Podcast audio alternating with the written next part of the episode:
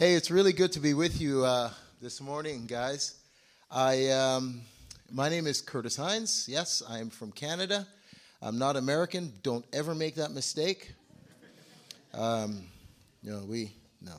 Uh, it's it's really really good to be here. I'm telling you, I I I, I, I scan across the room and see faces that I've never seen before. and um, it, it's some that I have seen before. It's so good to see you, bro. And um, and and of course, Hella, it's good to see you, my dear. I was just in Bornholm, and um, and uh, you know you're gonna have you're gonna have an absolutely phenomenal time there. Wow, guys, I'm telling you, it's uh, yeah, it's gonna be it's really gonna be good uh, all this church planting. Wow, it's awesome. Um, so uh, many of you um, do not know me. Uh, as as uh, Fleming said, we have a we have a great history. Um, Fleming and Anna are ex- very very dear friends of ours, and um, um, we go back like 20 years. It's amazing. Like half of you were like this tall. so so we, we met when we were 12 years old. I wish. I wish. No, not, not the case. But uh, oh, it's such a pleasure to be here. And, and the thoughts that I want to share with you this morning, I, I pray are going to really encourage you. And I want you to, um, I want you to uh, come back tonight, okay? Because I won't be sharing the same message tonight. Yeah. I, I, yeah, so I got you now, right? So come back tonight, please. Uh, we're gonna we're gonna uh, we're gonna be able to to to to do part two of of what I want to share with you. Um, before I do, um, I, I want to show you a picture of my family. Is that okay? Is that is that cool? Because you know, um, I think it's important. So so let's let's put them up on the screen. That's my family. Uh, the guy in the far right is is me. You're supposed to laugh because that's obvious, right? Um, and to, to, my, to my right is my daughter, Kara. She is, um, she's my sweetheart. Uh, you know, how many of you have kids that you created with your own two hands? Yeah. They're so much like you that it's scary. Anybody? Oh, no, just me? Okay, maybe one or two of us. Yeah, yeah. Yeah, that's Kara. She's um, she's she's awesome. She's uh, she does modeling, as you can tell. She's she's absolutely gorgeous. She's so gorgeous. I think if I was her age, I'd be dating her. That's how beautiful she is. And then there's my wife to the right of Kara. That's Debbie. And uh, on my second trip here to Denmark, I think it was the second trip, right? Yeah, Debbie came with me, and uh, we we spent uh, spent a week uh, in, when when uh, Fleming and Anna were in in, in Als in, in Jutland. And uh, yes, that's my wife, Debbie. She's awesome. we've been married. This year will be 28 years. Wow. When I say it, it just my head my head gets dizzy. Um, to Debbie's right is my son Richard, and um, Richard's awesome. Oh, that's my firstborn. Richard's the first, Kara's the second, and then we'll talk about Delan last. But Richard is uh, Richard was actually going to come with me on this trip, and uh, he he um, he's he's such a he's such a good kid. He's just he loves Jesus. All my kids are just absolutely crazy about God, and it's really cool. I don't know how that happened. It must have been their mother um, but uh, Richard is, a, is an amazing kid. He works, uh, he works very hard. Um, and um, he was going to come on this trip, but there was an opportunity, so he couldn't, he couldn't come on this trip. And the reason he was coming was I told him that you can find a really, really good Danish wife if you come with me. yeah. You see, Richard, he's a very calm, steady boy, so he needs, he needs a boss in his life. And Denmark's full of bossy women, so, you know. I knew I knew that would have been that would have been fine for him. So we'll do that next year. And then and then on my on his right is my little one. Her name is Delan, and she is um, she looks mean there because she's putting on the sort of the mean badass face, but she's not really like that. And she's uh, 15, going on 35. she is uh, Delan. Delan is the princess. Uh, any of you have princesses in your yeah? Any any princesses out there? Yeah, yeah, yeah. That's that's the princess. Um, yeah, she she still crawls she still crawls into bed with daddy and mommy at night. Yeah, and she's like this tall, and um, you know, and she gets anything she wants. Yeah, I admit it, and I don't repent. She gets everything she wants. She is the little princess. She has everything up to half of my kingdom. All she has to do, I can't get mad at her. You know what it's like with the firstborn. You know, the firstborn, you're like you're like hard on the firstborn, right? You're like, oh, uh, what are you doing? Oh, you know. And then the secondborn, you're like, you know, a little, you're just a little easier. But then by the thirdborn, you're like, whatever. whatever. I let the other two raise her. The other two raised her. So that's my family. I could talk about my family all day. That's not what I'm here for. But, um, but uh, that's, that's, that's them. Uh, I want to share a message with you this morning, uh, and I hope it will encourage you. And uh, and you know what, folks, I, I want to start off this message by saying this. You know, as we were worshiping, you know, there's something about you know, uh, if you're here this morning and, you know, maybe this context is, you're not used to this context where, you know, people sing songs and, you know, we do this kind of thing and, you know, what, what is all this about? It's, it's, you know, it's, we call it worship. And, and you know what? I find that when we sing songs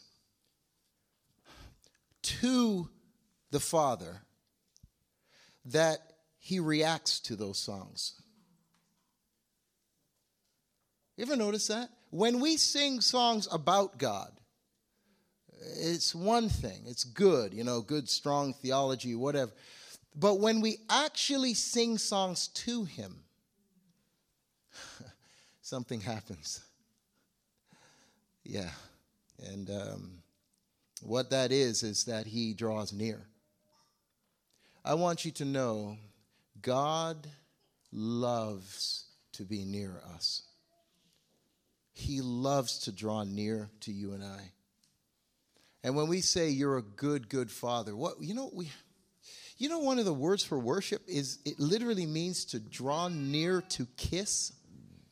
That one of the descriptions of worship means to draw near to kiss. And, and, you know, we, we have sometimes a difficulty with that kind of language. Well, maybe you don't. I don't know. I used to, you know.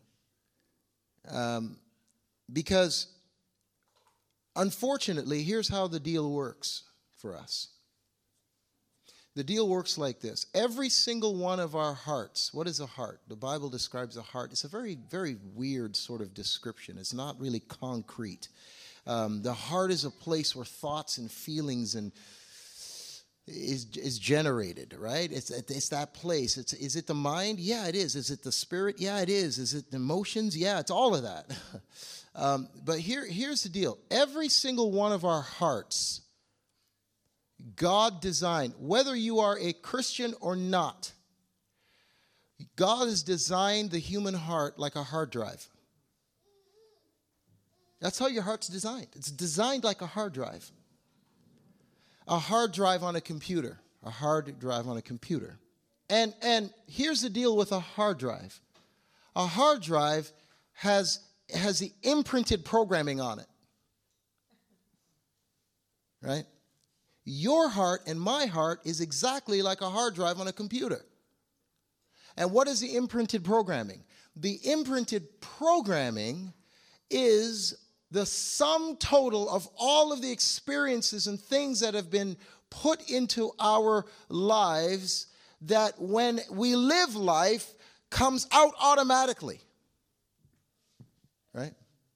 Some of us in this room, we've had great fathers. Some of us have had terrible fathers. Some of us have had great mothers. Some of us have had terrible mothers. Some of us have had wonderful families. Some of us have had terrible families. Some of us have had wonderful relationships. We can't think for a second of, of, of a time when our relationship wasn't healthy and, and vibrant and, and fulfilling. And others, we cannot remember a time when it was. And, and, the truth of the matter is that all of those experiences, all of those experiences, they, they, they build into, into, um, into, into what that, that language that is on your heart. So, so guess what happens? Guess what happens? God, in his incredible love for you and me, and his love for the world, what does he do? His purpose in coming into your life and mine is to change the language on the hard drive so that you and I begin to understand and we grow in the understanding that God is good. So when we sing songs to Him that identify with His nature, guess what He does? Listen, the Bible says this when we draw close to God, He draws close to us. So when we sing songs to Him that identify who He is, you're a good, good Father. yeah. What does He do? He comes to us to confirm the things that we're singing. He's so good. So when we say, Oh God, you are awesome, you're great and everything and everything that you are, I'm just, I'm just, you know, when we love you, God, you're a good, good Father. It's an opportunity for Him to come and confirm it. It's so, so awesome. And, and here, here, here's, a, here's a beautiful thing about it. Here's a beautiful thing about it. You and I are called to experience that constantly in our lives. Constantly. You know what? I don't know about you, but, you know, I say this with the utmost respect. Uh, and then we're going to read from the Bible, so, you know, I'm not accused of not reading out of the Bible. Um, um, I don't know about you, but you know, I had a father growing up, and I love my dad. He's not perfect. None of us are perfect. But, you know, I had a father growing up that, you know, you, you just never knew what mood he was in when you walked into the room. He was never violent, man, but you just, you just never knew. And, um, and that, that shaped us as kids. That shaped me.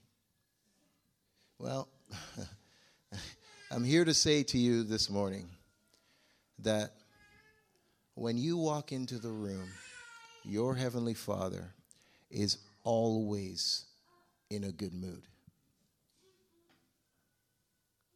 He's always glad to see you. He's always ready to embrace you. He's always inclined to listen to you.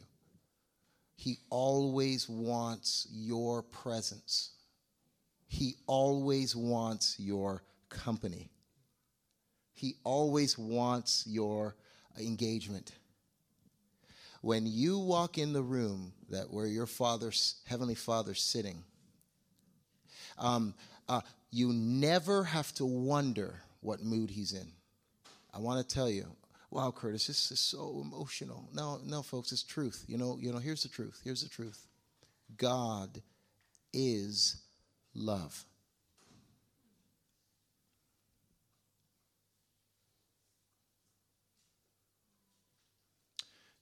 Do you believe that today? God is love. He isn't anything other than that. God doesn't try to love, He doesn't act loving, He doesn't pretend to be loving, He doesn't. Um, no, He is love. He is the full embodiment of what love is. And I know if that's the truth, and you know if that's the truth, whenever we approach Him, that's what we get. Well, Curtis, the Bible says that God disciplines. What about suffering? What about, yeah, what about it? what about it? How many of you have ever been disciplined by God? Just half of us? Well, just wait a minute. Just stick around for a while. It'll happen. Why does God discipline us? Because He loves us. He loves us. He, father, a good father disciplines his kids. You ever see? You ever see a? Uh, you ever see kids without discipline? Good Lord, you just want to, just want to, just oh, drives me crazy. I hate. I just can't stand disobedient kids. I mean, it's just like, wow. Are you kidding me? When you are without discipline, you are a disaster to the world. One of the worst things you can ever do is, is turn your kids out into the world without discipline. It's not fair to the world. right? And, and you know what? Here's the deal. Here's the deal. The Father disciplines us because He is interested in you and I looking like Him. That's why he disciplines us. So, so don't, please don't, don't mistake the discipline of God from the love of God. God disciplines because he loves. Well, God disciplined me. That's why he crashed my car and bankrupted me and, you know, and I got cancer. No, no, no, no, no, no, no, no, no, no. God is good. He works through every circumstance. Every circumstance. But God is not the author of pain and destruction. Are you, are you hearing me? Listen to me, folks. I don't know why I'm going into this. I, I'll get to page 700 in a minute. But, but listen, do not ever let the circumstances that happen in your life or your church, don't, don't ever let those circumstances change your theology. Ever. God never changes. Never. He is the same all the time.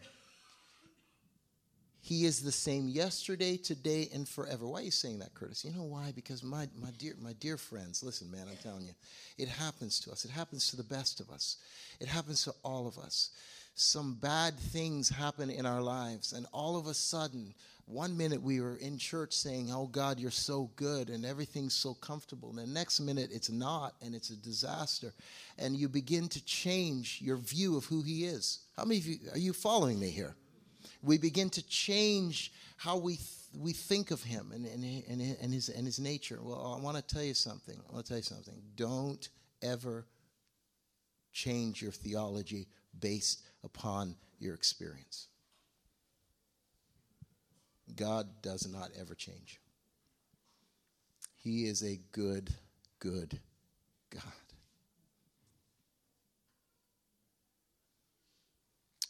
Amen. He's a loving Heavenly Father. And I want to say this to you, church. Listen, man, no matter what you're going through, no matter what we're going through, no matter what trials and tests and difficulties and these feelings of being weak, and, and, and the feelings of just this frailty and this, you know what I mean? You're always kind of feeling this nervous weakness. I want to tell you something. God loves that. you know why? Because through it, He can display more of His power in our lives. God is love. 1 Corinthians chapter 2, I'm going to just, just uh, read a couple of verses here. And the example of the great apostle Paul, one of the greatest men that ever lived, really, and responsible for, I believe, to be two thirds of the New Testament. And this, this great great man. What made him so great? Was it because he, you know, like he, he, lightning bolts came out of his fingers and he raised the dead and all that stuff? No. What made him great was he discovered something about the nature of the Father that that literally pervaded his entire life. And and and I believe is a very simple principle that uh, I want to pass on to you. I mean, you already know it, you know, but let me just remind you of it again and that is the, the paradox, the paradox, the, the, the paradox of, of, of being strong in a position where you're weak. You, know, it's, it's two things that just don't seem to go together. It's like, you know, as we say, it's like military intelligence. Those two words just don't seem to go together. Or jumbo shrimp, you know, it's like, you know, um, you know, um, or church in unity. No, just kidding. it's two words that just don't seem to flow together, but but in God's kingdom they flow together very well. Folks, we are not citizens of Denmark, not first. We are citizens of the kingdom of God and we live our lives based on the principles of that king. What is the kingdom of God? It's a place of God's rule and reign. Jesus said, He said this, He goes, Listen, guys, if I drive out demons by the finger of God, then know, know the kingdom of God has come near you. The kingdom of God comes with the rule and reign of the king. When God's presence shows up, that's where his kingdom is, where we gather together the Bible says that He's in our midst. We are, we are, as it were, citizens of the kingdom in the kingdom. That's who we are. And we understand, right? Good theology that we are in a kingdom that's here, but not yet. But the principle of this kingdom is, is different than the world. You and I are not the same as everyone else. But yet we are. We are, but we're not. Right? we're, we are in a sense that you know we bleed, we eat, we got to work. You know, we use the washroom. We you know we're, we're the same. We're the same. We're the same. And I think sometimes it's important as as a church that we understand that we're no different than them. We're no different than the world. If you're here today and you've never given your life to Christ, you you've not become a Christ follower. I want you to know something. The only difference between you and us is that we're in the kingdom. You have yet to come into the kingdom. There's not much difference between us. But here, here's, a, here's a very, very important principle of the kingdom of God. In the world, 1 plus 1 plus 1 equals 3. In the kingdom, it seems to be quite different. Down is up, up is down, in is out. You know, the kingdom of God is just very different. As a matter of fact, Jesus says if you want to be great, you need to be a servant. if you want to enter the kingdom as an adult, you need to become a child. Right? If you want to be strong, you must embrace weakness. I played semi-pro football, which you know, football, you know, American, I guess you call it American football for several for several years, and I, I was, um, yeah. Anyway, so we used to go through training camps in football, and um, and training camps was all about beating the absolute hell out of you. uh, and and and by you know by the coaches beating you up for a month, you know at the end of it, you know you make the team, right? The whole idea, you know, it's sports. I mean, it's, sports. The whole idea is to do what? To get rid of weakness. That's the whole idea. It's the whole idea. It's the law of the jungle, as we say. Uh, you know, you can't have weak people on a, on a team, especially on a football team, because you don't, you don't win. You won't win. And, and we didn't win very often. you don't win. You need strength, right? And, and, and really, that's the way that our world works, right? You know, the better looking you are, the more money you've got. I mean, you, you know what you, you know what that whole deal is. But but but to, to God, it's the, the exact the exact opposite. So here we see in 1 Corinthians chapter 2, the Apostle Paul uh, compounds that principle. And, and, and I want to I wanna just share this with you and leave this with you. He says in verse 1 of chapter 2, he says, When I came to you, I did not come to you with eloquence or superior wisdom. Oh, guys, way to go, man. Good stuff. I didn't even give you that. Good stuff.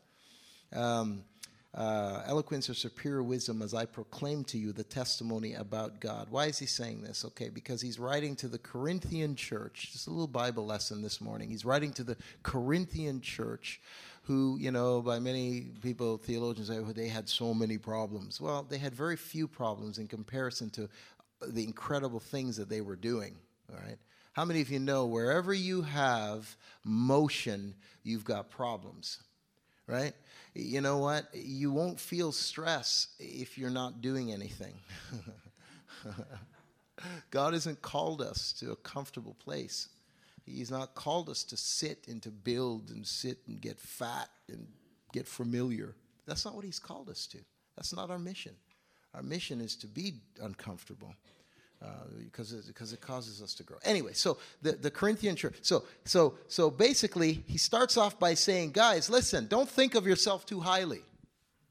Right? He goes, Don't think of yourself too highly. He starts off by doing that. Think of what you were when you were called. You guys, he says, you were you were just normal people. You weren't you weren't the best and the brightest of society. That's what he said to them. And then he says, he says, Now I want you to think of what I want to tell you what I was when I came to you.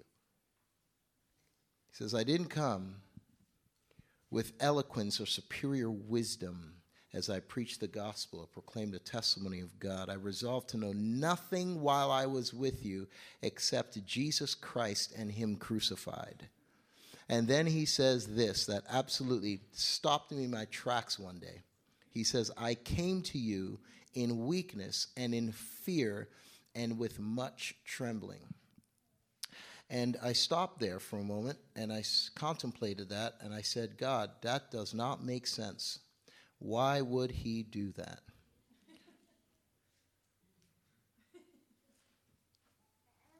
How many of you have heard of the Apostle Paul before? Yeah, okay. Okay. That's like, you know, that's like whatever. So we know who he is. Do you know really, do you really know the stature of this individual? This guy was a heavyweight.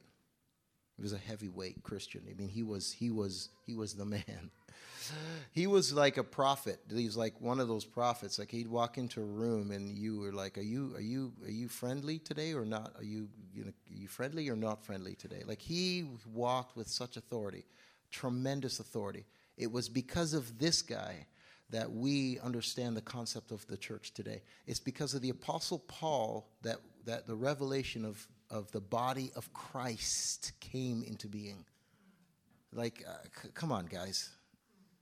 That's that's pretty that's pretty good. You know, like this guy, you know, he sit beside a fire, a snake came out, bit him on the arm. He looked at the snake, shook the snake off in the fire, and didn't die of poison. Like, really? Like, really? Like, that's pretty impressive stuff. And, um, okay, so my point is this. My point is this. Why would he come to the church in weakness and fear and much trembling? He didn't need to. He didn't have to come in humility. He could have, hey, listen to me, or you're going to die. I mean, he, he could have, you know, he could have, he could have, he could have been a real heavyweight, but he didn't. He came in weakness, fear, and much trembling. Why? Okay, here's why. Because he discovered something. Turned over to 2 Corinthians chapter 12, please. 2 Corinthians chapter 12. This, this man discovered something something about the father heart and the nature of God. He discovered something I want to leave with you and encourage you as a church to walk in. All the days of your life, what did he discover? I'll be very simple for the sake of time. Hey, we're 10 minutes over now. This is what he discovered. He discovered that God's power only flows through our weakness. That's what he discovered. In 2 Corinthians chapter 12, you know, Paul's thorn in the flesh. How many of you have read Paul's thorn in the flesh? If you're good Bible students, you've read Paul's thorn in the flesh. I'll tell you what it was. Paul's thorn in the flesh. It's very simple. Everybody says, oh, he had an eye disease. He didn't have an eye disease. Paul's thorn in the flesh was his mother in law.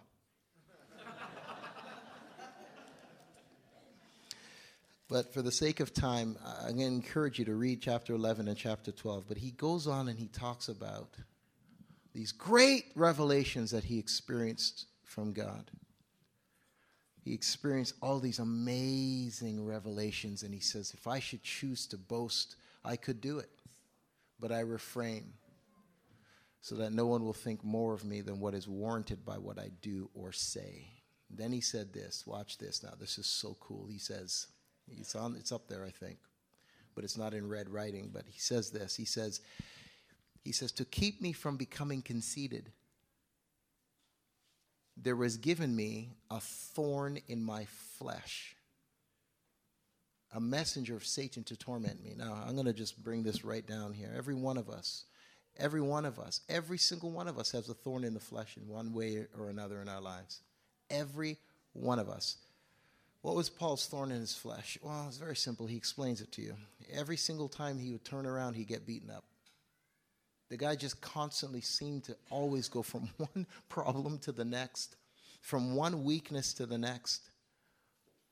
Constantly, he never had a break. Guy never had a break. He's like, I'm serving you, God. I'm serving you. Why can't I catch a break? Right? I'm either being persecuted or I'm being beaten or I'm being disappointed or I'm confused or I'm, I'm, I'm experiencing, I'm, I'm serving you, but it's constantly this constant weakness, this constant, oh my gosh, it's like, oh. Anybody, anybody here relate to that? oh no, just me? I know we're in Denmark and you know we don't lift our hands. It's okay. it's all right. I get it. I get it. Now, but here's the deal. Here's the deal. Every single one of us has experienced the same thing. So he cries out to Jesus three times. He cries out to Jesus and he says, Oh God, oh God, please take this away from me. Take this away from me. I can't handle this crap anymore. That's exactly what he was doing. He cried out three times, it says. Three times. Why did he do that? Because he perceived that those weaknesses were, were a problem. That's why he cried out. You don't cry out to God for help unless you think you're in trouble. Are you following me? And he cries out to Jesus three times. Three times he cries out to him. Oh God, it could be, why have you made me like this? He cries out to God three times, and so many of us were crying out to God. We're in a weak place. But three times he cries out to Jesus, and he never gets an answer until the third time. And then Jesus, God speaks to him. God speaks to him. And, and, and, and he's speaking to you today, and he says this He says, Paul, my grace is enough for you. What, what does that mean? You know, what, is it, what, is it, what does it mean when he says, My grace is enough for me? Is it like, don't worry, just keep suffering?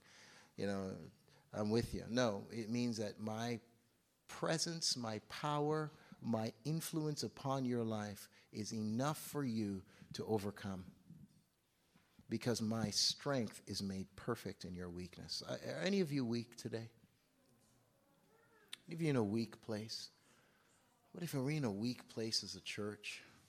We're in a weak place, and wherever we're growing, we're in a weak place. That's a wonderful place to be. And the Apostle Paul realizes this, and I close with this. I close with this. He says, after Jesus spoke to him, he says, Whoa. He has one of those moments where he goes, I get it now.